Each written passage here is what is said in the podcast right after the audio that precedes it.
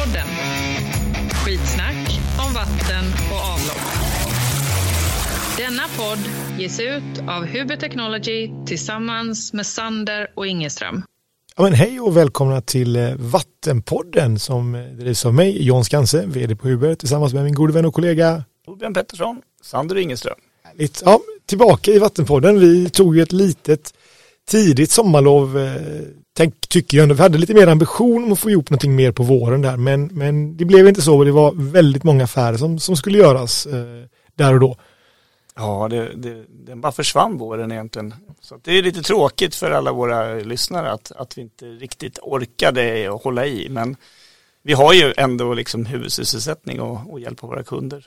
Ja men exakt och det här är ju kanske en annan kanal att hjälpa våra kunder till en större insikt i, i VA-branschen. Så vi gör ju det här när vi och vi vill göra det bra och snabbt och därför har vi idag faktiskt hyrt in oss i en poddstudio. Så om ni tycker att ljudkvaliteten är aningen bättre än i vanliga fall så är det helt rätt uppfattat och det är inte det att man har rensat vaxet ur öronen efter sommarens, eh, sommarens bravader. Nej, det, det kändes lite, jag kommer ihåg när jag var ung så när närradio kom i, i kommunen, liksom, där var man ju naturligtvis med och, och babblade av någon underlig anledning. Liksom. Och då tyckte man att det var så himla proffsigt och så kom man in här och så inser att det finns människor som gör det här varje dag och det här är jättecoolt faktiskt. Det är häftigt. Ja, det är roligt. Men vad, du har alltså en gammal radiokarriär Tobbe, det visste jag inte. Ja, det finns många saker som folk inte vet. vi kanske ska stanna där helt enkelt. Nej, det kan, vi kan kort säga det bara att men jag var rätt politiskt aktiv då när jag ja. var ung. Va? Ja, ja. Eh, så det där var ju liksom en, en, eh, ett sätt att nå ut med saker. Liksom, Sen så insåg jag att det där med politik är tråkigt och det är mycket roligare med, med att bygga vattenverk och reningsverk och hjälpa kunder. Och det är ju, bara för att travestera på det då, det är, jag brukar ändå säga det att, att eh, det här är kanske den mest opolitiska delen av eh, kommunerna. För att hur det än är, alltså röd, grön, blå eller brun, så, så likväl måste alla tillgång till vatten och avlopp. Så det är ju egentligen inte ett politiskt beslut, även om det är våra politiker som fattar besluten, vilket också känns lite intressant, tänker jag. Ja, men jag tror att det är ganska stor enighet faktiskt om att vi måste rena vattnet och, och, och, och, och avloppet. Så det, det kan ju inte vara någon stor stridsfråga tänker jag. jag. Jag tänker också det, att det borde vara en ganska rakt fram, att det måste, måste fungera på det sättet som, som, som det behöver fungera helt enkelt. Och det, det är väl spännande. Vad, vad ska vi prata om eh, den här säsongen Tobbe? Vi har ändå gjort en plan och vi har en litet inspelningsschema och, och även om det skedde sig första dagen, första dagen med den gästen som skulle vara där så ska vi ha en annan gäst istället. Eller idag har vi ingen gäst, men, men eh, vad, vad tänker vi till hösten? Nej men vi har ju lite roliga saker som, eh, vi kommer ju faktiskt spela in ett avsnitt med en gäst från Svenska Mässan. Det ska bli jättekul att höra vad de tänker om våran, om våran mötesplats. Just det, Vatten 2023. Där. Vi kommer köra ett liksom inför Vatten 2023 och sen så tar vi naturligtvis ett, ett uppföljningsavsnitt. Vad var det som hände på Vatten 2023? Ja. Så det ska bli skoj. Eh, vi kommer att ha ett, eh, ett avsnitt om upphandling och juridik. Ja. Eh, lite grann kring, kring eh, Ja, men alltså, vi lever ju ändå i lagen om offentlig upphandling och, och LUF och hur, hur, funkar det där och vad kan man tänka på, vad funkar att överklaga, vad funkar inte att överklaga och, och varför blir det som det blir. Det ett spännande avsnitt att, att prata där när, när Jimmy kommer från, från Max. Det ska bli jättekul. Ehm, sen så ska vi prata lite om olika typer av VA-huvudmän och hur de ser ut då. Så det var också en gäst faktiskt som har accepterat nu. Ehm, vi ska bara hitta ett datum när vi ska spela in den då. Ja, precis. Och där är väl lite den spaningen vi har kanske gjort, att, att någonstans olika, olika kommuner är organiserade på olika sätt och, och jag tycker man kan, när vi jobbar med dem kan man uppleva att, att vissas organisationsformer kanske är lite effektivare än andra när det gäller att få, få mest pang för pengarna som vi brukar säga och att grejerna blir installerade, drifttagna och faktiskt rena vattnet. Ja. Ja men det ska bli kul att höra och den personen som kommer där han kommer ju han kommer ju från en stor organisation då, så det är ju också liksom skillnaden på att vara ute i landet tänker jag kontra att sitta som vd för, för Norrvatten då, som vi kommer ha som gäst. Eh, vi kommer alltid prata ny, ny teknik, massa coola grejer, framförallt efter, efter mötesplatsen så finns det lite nytt att prata om vad vi har sett och sådär. Ja. Så det ett avsnitt om det, vi kommer prata lite om avtalsformer och kontraktsvillkor. Också en klassiker, hur, hur, hur får vi huvudmännen att, att göra avtal som alla parter kan leva med och, och tjäna pengar och faktiskt leverera i tid och snabbt också. Så det är en intressant fråga som vi ska, ska dryfta lite grann med. Förhoppningsvis får vi en gäst också tänker jag. Ja, det är, jag har en kille på gång som kan det där. Så ja. det tror jag faktiskt att han kommer tacka ja till. Spännande. Och så lite digitalisering. Det sköljer ju över oss. ChatGTP och AI går ju att använda på många sätt. Jag försöker nyttja, nyttja det när det passar och hitta nya sätt att använda det på. Det ska bli spännande att se hur det kan påverka våran värld. Och så lite mer eh, coola projekt också som pågår som vi kommer kommentera och djupdyka lite i. Nej, det blir en spännande partysäsong, eh, tror jag verkligen. Så eh, det är bara att eh, åka med så kör vi. Bra, men då är vi igång. Eh, vad tänker vi sommaren Tobbe? Vi har ju precis kommit ur sommaren, eh, även om det faktiskt ska bli 28 grader idag när vi spelar in i Göteborg. Men, men vad, alltså det började med torka, det skulle bli sommaren 2018, det var, skulle bli vattenbrist och, och, och, och hej och hå och sen så kom det av sig lite. Men det var, jag, jag minns väl där att, att man pratade om att det här kommer bli den varmaste sommaren ever och så tänkte man vad skönt, nu kan jag spela mycket golf och sola och bada och, och, och sådär. Och, och, det var ju väldigt torrt i början så då pratade man ju verkligen om vattenbrist. Jag tycker att vi hade mycket uppmärksamhet i våran bransch på, på de stora, de stora tv-bolagen, alltså SVT och TV4 och sådär. Eh, och sen helt plötsligt så, så började det regna. Ja. Och det regnar inte lite eller? Nej, och det kom ju en hel del ordentliga översvämningar på ja. vissa. Jag menar, eh, Heby, reningsverket funkade ju inte ens liksom. Det, det var ju dränkt. Nej, men, och det är ju ändå spännande när, eller spännande, ja men det är spännande när, när klimatpåverkan de facto är här och de facto påverkar den infrastrukturen vi har byggt för att kunna ha ett, ett, ett hälsosamt sätt att vara i våra samhällen och helt plötsligt så, så, så påverkar det så direkt att man faktiskt stänger reningsverket har en och en halv meter vatten i källan och låter allt avloppsvatten passera förbi.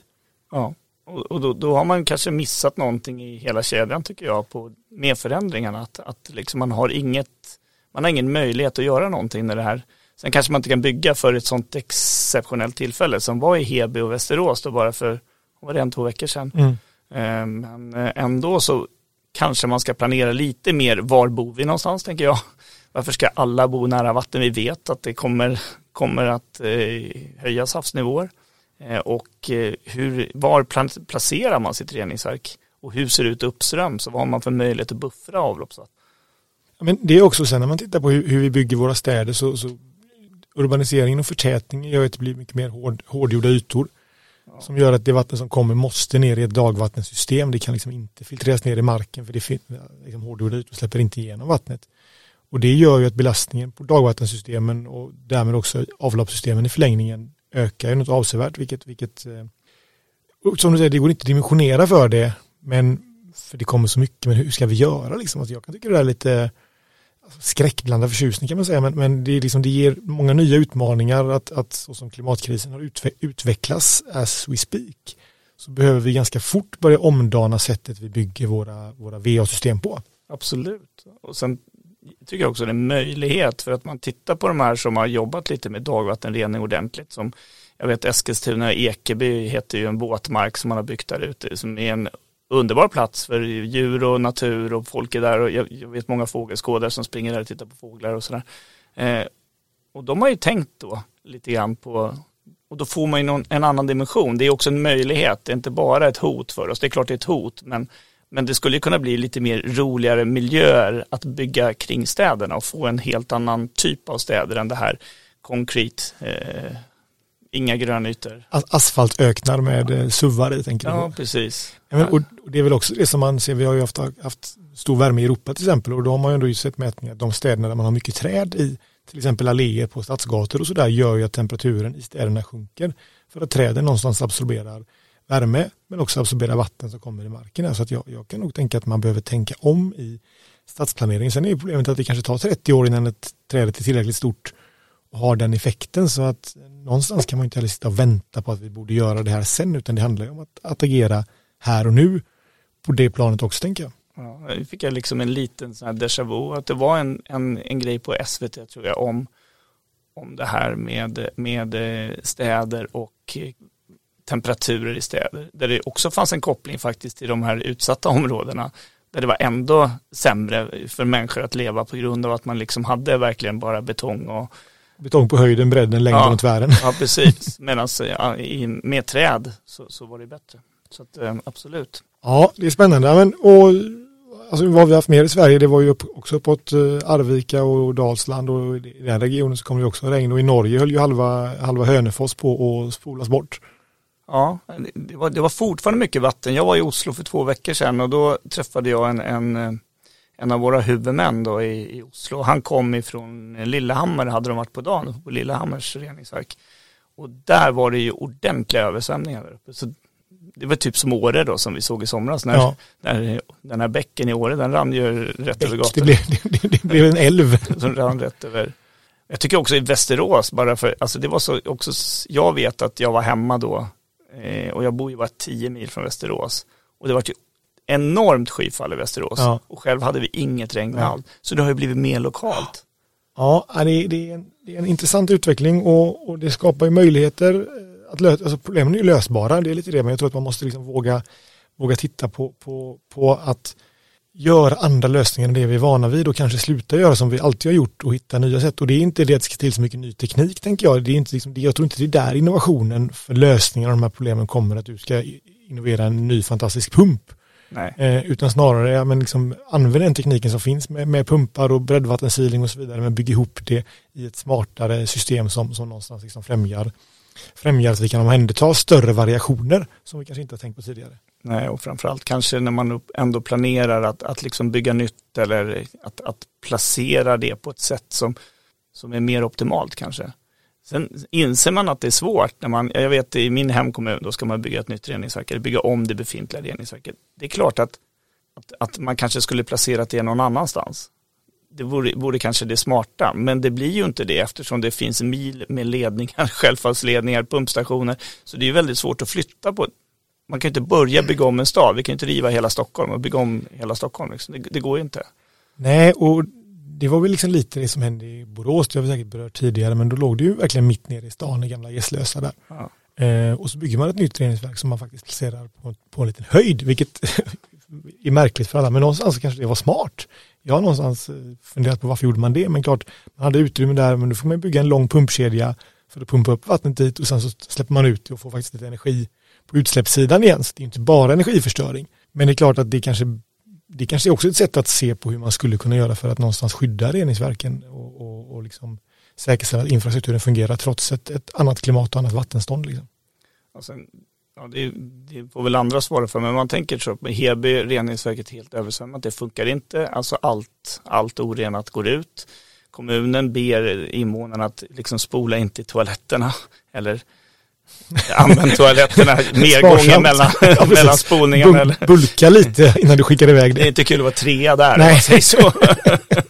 Eh, men, men eh, å andra sidan, liksom så, ja det blir utmanande på något sätt hur, hur man ska, jag tror inte heller det är ny teknik. Jag tror det är att planera eh, och, och liksom kanske öva lite och se scenarier, för det kan jag tänka.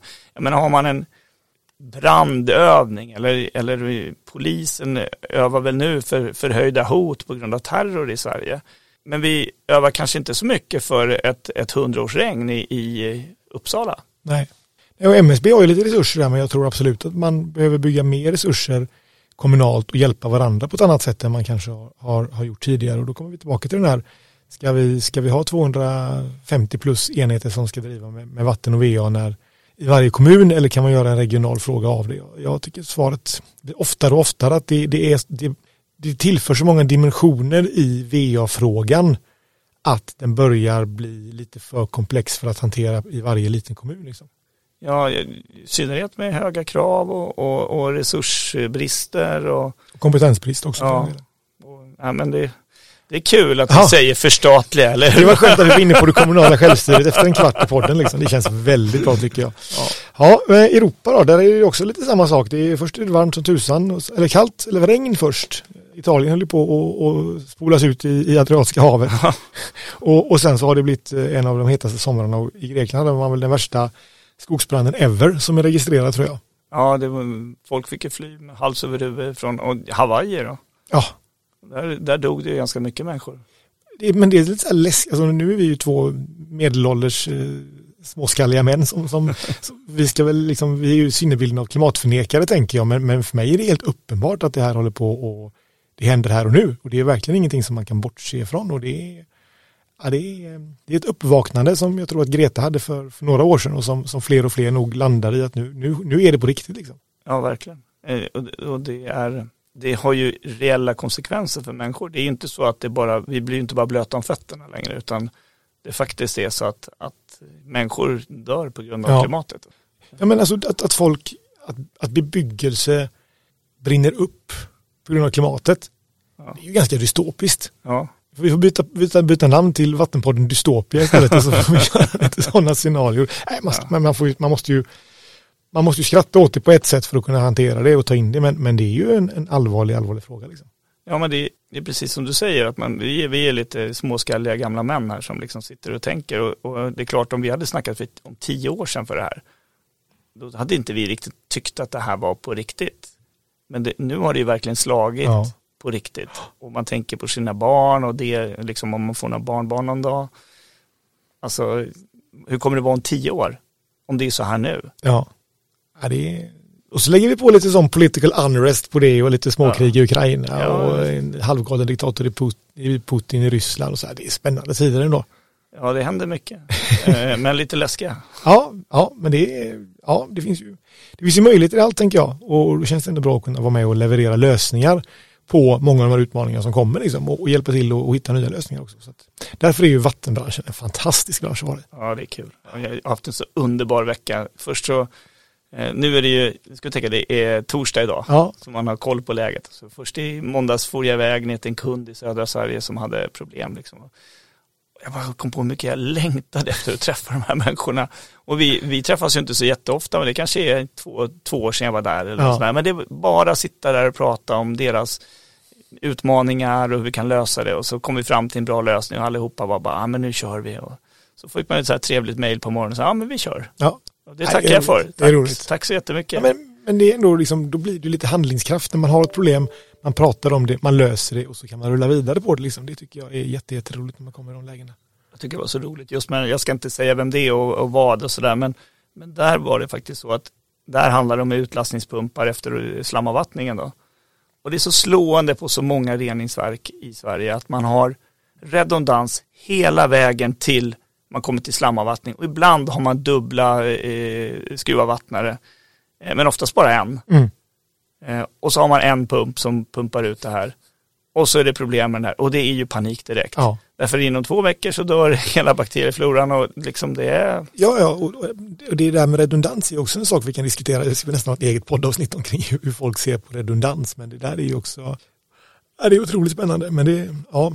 Och redundans blir inte några reservdelar på hyllan heller ska jag säga för en, för en slamavvattnare eller, eller för en pump. Utan du kan ju inte förutsäga vad är det som går sönder på den här maskinen i framtiden. Man måste ju bygga ett sådant system ja. att man har åtminstone en helt ny maskin ståendes redo att jacka in om man inte eh, kan liksom byta med, med rör och ventiler och, och, flytta vätskan. Ja, ja spännande. Eh, nej men det var lite grann om, om, om sommaren och läget i världen och att man behöver ha redundans för att klara utmaningarna. Vi, vi tänkte glida vidare lite grann till vad som händer i, händer i den här fantastiska VA-branschen eh, om en liten, liten stund.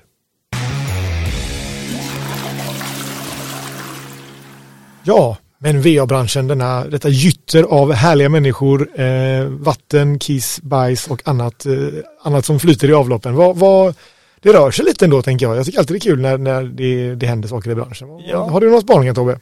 Nej men eh, det första man kan eh, konstatera att, att det är bolag som, som köper eh, upp varandra och det bildas nya konstellationer.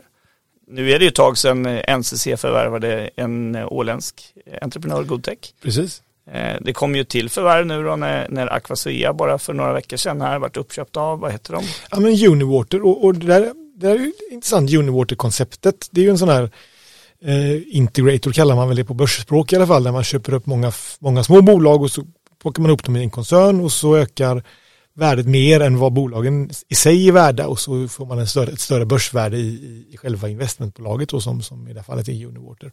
Och det där är ju intressant för det är ett räknestycke som ekonomer förstår. Jag som ingenjör tänker jag att om, om bolag 1 var värt 1 och bolag 2 var värt 2 då är de två tillsammans värda 3.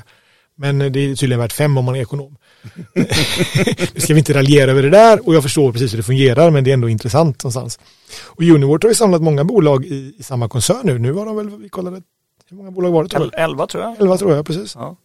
Och man har ju både leverantörer i form av ABBA till exempel som gör, gör luckor och, och beteckningar och sådär. Och sen har vi ju entreprenörer, Man hade ju 11 innan och nu har man nu lagt till Aquasvea. Och sen har man ju de här pumpstationstillverkarna och installatörerna i Dala, Dala, Dala, Dala, kommunal. Dala kommunalteknik och rostfria VA-system och sådär. Jag spanade lite på det där och har väl kanske lite Alltså, den röda tråden är ju vatten och VA. Men jag, jag, kanske kan tycka att den kan vara ja, men, jag vet inte egentligen, men var liksom, det, det, är en salig blandning och jag ser inte riktigt den geografiska uppdelningen. Aqua Svea och 11 har ju varit starka i ungefär i Mellansverige Eh, och även liksom den lite mindre entreprenörerna så har du ju liksom Purak, NCC och, och, och Malmberg som ligger liksom som de riktigt stora entreprenörerna och, och så har du de här bygg med Veitech och, och, eh, och de däremellan då, de som är mer byggkopplare liksom. Så att det känns som man försöker, man packar ihop många VA-saker i, i en och samma koncern. Men det är klart att det finns ju goda synergier med det med branschkunskap och så vidare som, som man kan, kan bidra till varandra tänker jag. Jag tänker, man kan gå till sitt eget bolag. Vi, vi ägs ju också av ett, liksom ett Just det, ni större, ägs också där. Ja, ja, och vi såldes ju också för, nu är det väl tre, fyra år sedan. Eh, men ni ägs av Christian Berner va? Ja, TechTrade då. Just som, det. Som vi, jag menar, jag märker inte så mycket av det där. Alltså, och jag är lite, förlåt, Caroline. Jag är lite glad för det, att vi får vara Sander Ingeström och vårt eget bolag med våra idéer och våra, så som vi har arbetat. Sen är det klart att, att vi kan prata med Christian Berner AB om vi, om vi har ett projekt som båda är på, på olika eh, spår in på liksom, ja. och, och, och, prata med varandra och kanske hitta någon bättre lösning för kunden i det totala. Men jag tror ändå att, att det är människors eh, innovationsförmåga, eh, deras tekniska kompetens, deras driv som skapar bra löser, lösningar för våra kunder. Ja men och kontaktnäten också, klart som du säger kan du ha ett bra internt kontaktnät där du kan få hjälp av till exempel UV, UV-killarna om ni pratar om en sån lösning så är väl det bra. Men, men jag, jag tror precis som dig att det vinnande konceptet är nog att försöka bevara varumärket och bevara liksom kunskapen i bolaget och inte försöka hitta mycket synergier när man slår ihop organisationerna. För det, det går sällan bra och det gynnar sällan kunden. Och, och, och nu jobbar vi ju, alltså, du jobbar ju som internationell distributör och jag är ju en del av ett internationellt bolag. Och, och det, hur det än är så, även om man på head office tycker att ja, men alla länder borde fungera lika, så, så är ju det väl känt för oss som är på marknaden att varje marknad är olika. Liksom. Och det tycker jag man ser bara om man jämför Sverige och Norge, som, som vi är aktiva i, och även Finland, att du kan inte, du kan inte jämföra marknaderna på det sättet. Alla har vatten och behöver få det renat, men det är helt alltså helt olika affärsklimat är ju fel att säga, men det är, det är olika affärsklimat som kräver olika typer av försäljning. Och, och då funkar det inte att ha liksom one size fits all. Sen kan du ha samma gemensamma budskap och samma liksom teknik i botten, men du måste ju någonstans hela tiden anpassa det för din lokala marknad och det är ju det som jag tycker vi är bra på och säkert du också tycker är bra på att ni kan återföra den lokala marknaden till era eh, huvudmän på olika märken och, och liksom prata för dem vad som gäller här. Liksom. Ja men så är det definitivt. Eh, och jag, jag, tror också, jag vet, jag var i Oslo nu och inbjuden faktiskt av, av den norska distributören för våra slampumpar.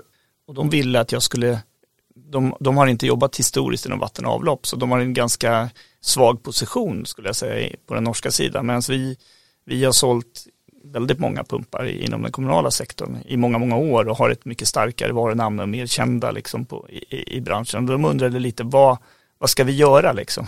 Mm. Och så fick jag åka dit och jag vart väl bjuden på någon middag, det var väl betalningen tror jag kanske. Ja, okay.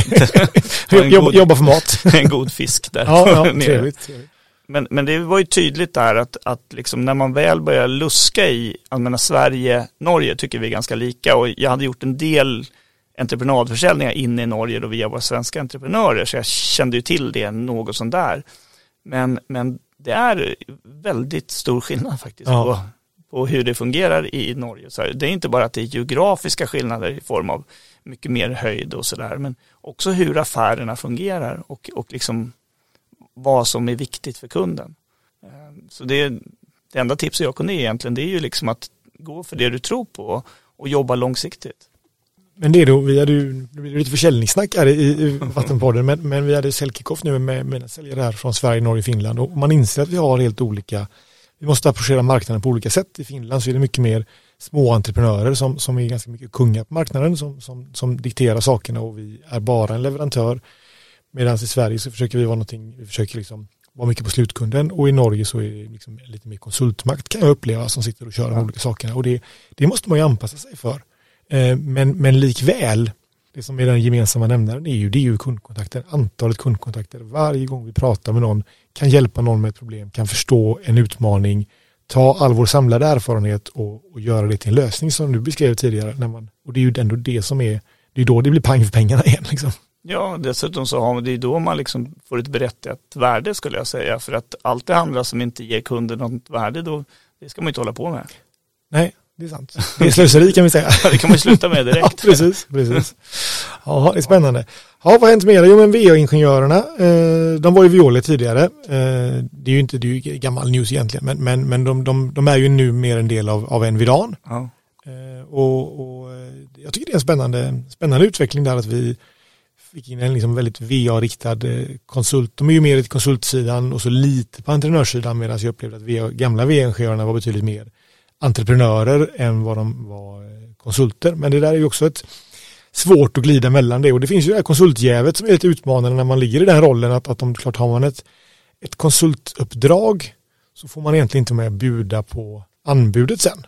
Nej. Och, och där kommer ju partneringen som en spännande liten joker i den leken hur det funkar, eh, funkar med det där. Och det, men men äh, jag tycker det är kul att de har Inget ont om Violia, jag gillar Violia, det är, det är fina fransmän som dricker gott vin, men, ja. men, men jag tror nog att, att de som vi känner på VN mår bättre i att vara i en lite mindre organisation och få lite mer frihet än man kanske fick under Violia-tiden. Jo, men så är det nog säkert. Jag menar historiskt sett, gamla VA-ingenjörer gjorde ju väldigt mycket jobb inom vissa områden och hade just den rollen som du beskrev, att man var en del som, alltså jag, jag vill ju kalla det för att det var en typ av partring innan partring egentligen fanns. De uppfann partring. Ja, fast man kallade inte det för det, utan Nej. det var, eh, men det som jag alltid tycker är viktigt i sådana typer av verksamheter, det är ju att man tar med leverantörer typ Uber, Sander Ingeström, tidigt i projektet tillsammans med beställaren för att liksom förstå vad är beställarens behov? Varför, varför, varför? Ja. Och då kan man få pang, pang, för pengarna och en bra anläggning. Ja men så är det och det, vi ser ju ofta, du var inne på Norge förut, de, de har ju gärna förmåga att överdimensionera anläggningar i min värld. Vilket vi, kanske är bra nu när det kommer väldigt mycket vatten, men det gör det ju två gånger per år så de blir väldigt svåra att drifta när de är överdimensionerade från början. Och en klassiker då, man, man, man dimensionerar sin slamavvattnare för, för eh, åtta timmars drift som man gjorde med centrifugen som man ville köra när man var på plats. Men en slamavvattnare, den har ju ingen risk att köra en sån ett varv eller fem varv i minuten. Liksom. Det, är inte, det, är inte, det är inte där problemet är, så den kan man köra på över 24 timmar. Och då får du plötsligt tre gånger så lång tid och kan gå en tre gånger så mycket mindre maskin för att du kan köra samma, samma volym på mycket fler timmar. Liksom. Och det är en sån kunskap som den är ju logisk att förklara så här. Men har du inte tänkt på det så lever du lätt kvar i ditt gamla mönster. Att ja, men du säger huvudman, ja jag vill drifta den åtta timmar. Men varför vill du göra det? Ja, det har vi alltid gjort. Men innovationen är att du inte alltid ska göra som du har gjort utan det finns nya lösningar som du kan, kan få en bättre, bättre pang för pengen. Du går ner i dimension, jag får sälja mindre maskin men samtidigt så kommer det vara mycket, mycket mer effektivare för det. Liksom. Ja, så, så kanske, den, kanske man har råd att köpa två och få lite redundans då, tänker jag. Eller hur? Liksom. ja, men absolut. Eh, sen hade vi ju, vad heter de, eh, Enviro Process och Enva. Just. Eh, Enva, de är ju nu köpta och ägs ju då av Skion Group så det kommer liksom lite så internationella tentakler in. Vad, vad, vet du något om Skidon Group Tobbe? Nej, du berättade ju för mig. Ja. Jag hade ju ingen aning, men det var ju lite kul. För det finns ju någon koppling till Tyskland då, och någon koppling till ett stort bilmärke. Och... Precis, det är så att Skidon Groups ägs ju av en, en frau, frau Klatten, Susanne Klatten, som då är arvtagerska till BMW-imperiet. Så att då har vi liksom biltillverkare som någonstans kanske också inser att man behöver bredda sig. Det är inte BMW som breddar sig, men alltså den investerarsfären inser att man behöver kanske gå i en annan bransch med en annan framtid än vad kanske stora tunga dieselbilar eh, har. Ja, kanske också ge tillbaka lite för man smutsat ner i naturen alla, Men precis alla så, år. Precis så. så det, är, ja, det rör sig i branschen och det är roligt. Och eh, det viktiga tänker jag också är att när det rör sig i branschen vi får in nytt folk, nya unga människor som kommer in. Vi, vi har faktiskt anställt vår yngsta medarbetare född 2003 nu. Åh, vad kul. Ja, det är jätteroligt jag vill anställa fler unga människor. Det blir en helt, helt ny vitalitet. Men sen känner man ju sig själv ganska gammal när man gör det, vilket är, vilket är hemskt. Jag, jag vet inte, du kommer, kommer du ihåg eh, serien Skilda världar som gick? Ja, jag är så gammal. Nu, nu ska vi spåra iväg här. Men, men, eh, och där var det hon, Claudia Galli, var väl en skådespelerska som var, som var med där. Jag spelade någon roll och, och jag tyckte hon var lite så småsöt och så, man var lite halvkär i henne, liksom, ja. ungefär samma ålder.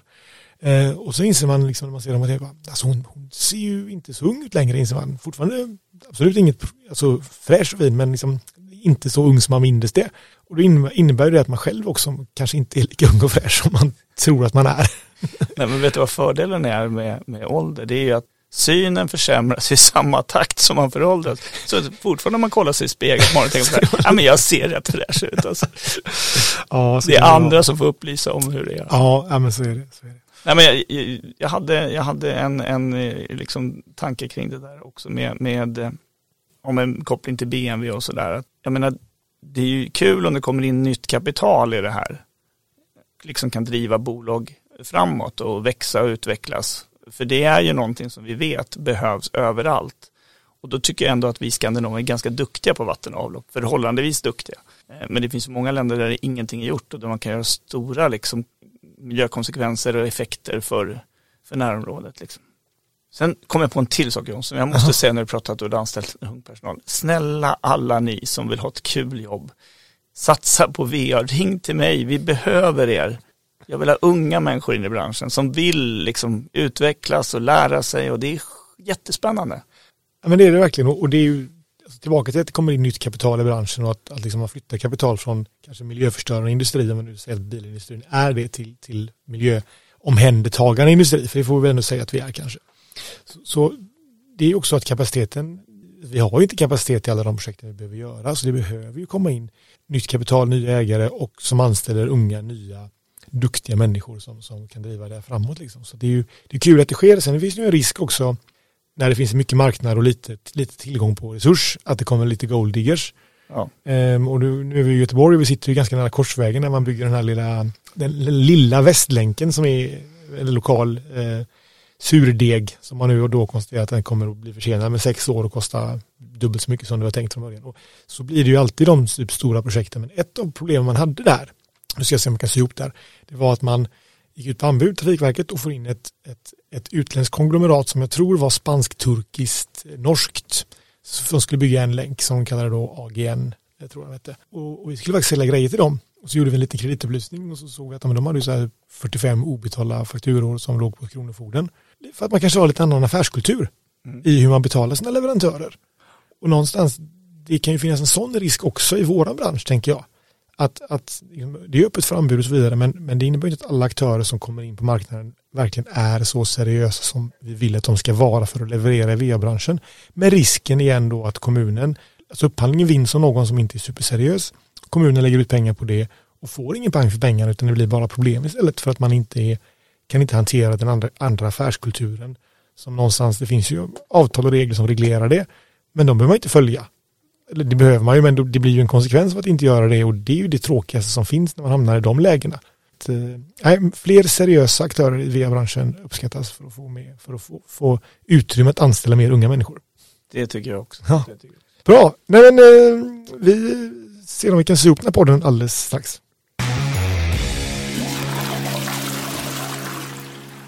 Ja, eh, vi går in i hösten, även om det är idag kanske sista sommardagen, hoppas, tror vi, eller förutspår det i alla fall. Vad, vad, hur ser hösten ut för Sander Ingström?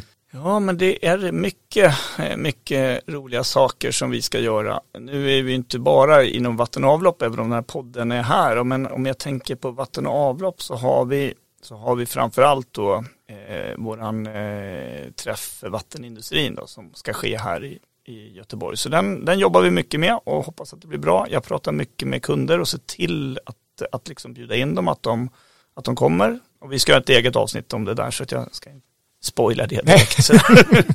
eh, men i övrigt så är det faktiskt det här gamla, ut till kunder, hitta, hitta utmaningar. Det är en hel del stora projekt som är på gång.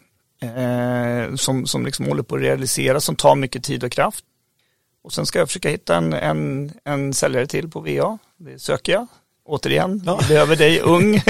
Någon som vill så ring, ring Tobbe. Ring till mig så vi får träffas och se om du tycker att det här verkar kul. Och... Ja. Så det var det jag tänkte jag skulle göra under ja. våren och Sander skulle göra. Ja, vi har ju en hel del. Vi... Eller hösten, hösten förlåt. Precis. Ja. sen kommer det vår, vår, det kommer alltid vår efter hösten. Ja, precis. Vi kör ju en, en, en studieresa där vi tar med lite, lite reningsverksturism så att vi, vi bjuder in kunder som, som eh, åker med på studieresa till, till München där vi då tittar på olika typer av reningsverk. Eh, och vi tittar även på vår fabrik och, och, och diskuterar lite ny, nya produkter och sådär. Så den gör vi här i början på september. Sen förbereder vi som du säger för vatten 2023 som, som blir en stor, stor happening. Och, och sen har vi ganska många, i Norge kör man de här fagträffarna där man liksom har lite lokala föredrag slash minimässor som ligger. Eh, så där har vi flera sådana som vi ska på eh, och, och vara runt och visa upp oss och diskutera våra produkter och, och ha lite föredrag och sådär. Så det är jäkligt spännande. Så det är en fullpackad höst, eh, vilket känns jätteroligt. Och, ja, det är frågan hur man ska, hur man mår när man kommer ut i jul tänker jag. Men, men ja, kalendern är fullbokad. Vet du vad, du kommer må jättebra när det blir jul. Därför att det går så fort när man håller på så här. Ja. När man jobbar som vi gör så veckorna bara flyter iväg och det, det jag tror att inte ha mycket att göra är mycket, mycket värre. Det skulle stressa mig något enormt om jag liksom inte hade fullt ös. Ja, alltså jag är ju, ni som känner mig, jag är ju väldigt resultatorienterad. Jag gillar ju att, att vi säljer mycket så att jag läser ju försäljningsrapporten i stort sett dagligen då och någonstans så det finns få saker som jag får dålig magkänsla av som när vi inte säljer. Så att, att ligga på sin budget eller lite före sin budget i försäljningen ger ju ett lugn eh, och det, det är skönt när man kan känna det lugnet. Ja, det har ju varit ett otroligt bra år hittills. Alltså det, det är också lite spännande faktiskt med, om vi nu ska sy ihop det lite, försöka avsluta oss ja. kanske, men, men eh, den här konjunkturen då, som man tittar på Sveriges konjunktur, så är den, den är på väg ner och vi, vi tappar ju BNP. Det är ju en recession i Sverige. Men inom, inom eh, vatten och avlopp så är det ju vad vi kan se ingen recession i alla fall. Snarare är det liksom en, en liten högkonjunkturkänsla. Och man kan ju leka med tanken att det kan vara smart att det är det också med tanke på att övriga processindustrin och tillverkningsindustrin går lite eh, sämre i Sverige just nu. Så är det väl bra att man passar på att investera på de här sakerna just nu eftersom människor måste ändå ha ett arbete att gå till. Annars så måste vi försörja dem ändå på något ja, sätt precis. i Sverige. Va? Eh, och, och att det kanske är lite, lite mer pang för pengarna eftersom det kanske är lite, lite lägre prisnivå då att göra det i en sån situation som det är just nu. Ja. Men det, det, jag har samma spaning om man, man investeringsbehovet har vi pratat om tidigare. Man hinner inte investera i den takten som det behövs. Och därför så tror jag också att det är jättesmart att, att verkligen öka takten nu. Eh, det finns mer och mer tillgänglig arbetskraft på byggmarknaden till exempel så byggpriserna blir lite mer normaliserade. Men jag tror också det är viktigt att man är, att man är ganska så snabb. För det har vi ändå sett någonstans att, att liksom, låt inte dra ut på tiden, kom igång med grejerna, få det att hända för då, då blir det, då, då, då kommer vi i mål också men gå, gå och vänta och förbereda för länge det är, nej då, då, då drar det lätt iväg i pris och det har vi nästan ett helt eget avsnitt om hur, hur projekt kan dra ut på tiden utan att det blir ja. någonting liksom. Ja, så är det. Nej, men bra Tobbe, det var kul att, att snacka upp lite inför hösten. Vi, eh, vi kör ett avsnitt, nästa, och nästa avsnitt kommer bli om, om, om vatten 2023 eh, som vi släpper om tre veckor ungefär. Eller två, två kanske till och med, får se vad, vad, vad kalendern säger. Så det ser vi fram emot att höra vad, vad som eh, ligger i pipeline när vi ses, när hela branschen ses i Göteborg, denna fantastiska stad i oktober. Det kan komma en annan regndroppe, eller så är det strålande väder. Det är alltid sol i Göteborg och tack för att ni har lyssnat. Allihop. Tack så mycket, ha det gott. Hej. Vattenpodden. Skitsnack om vatten och avlopp.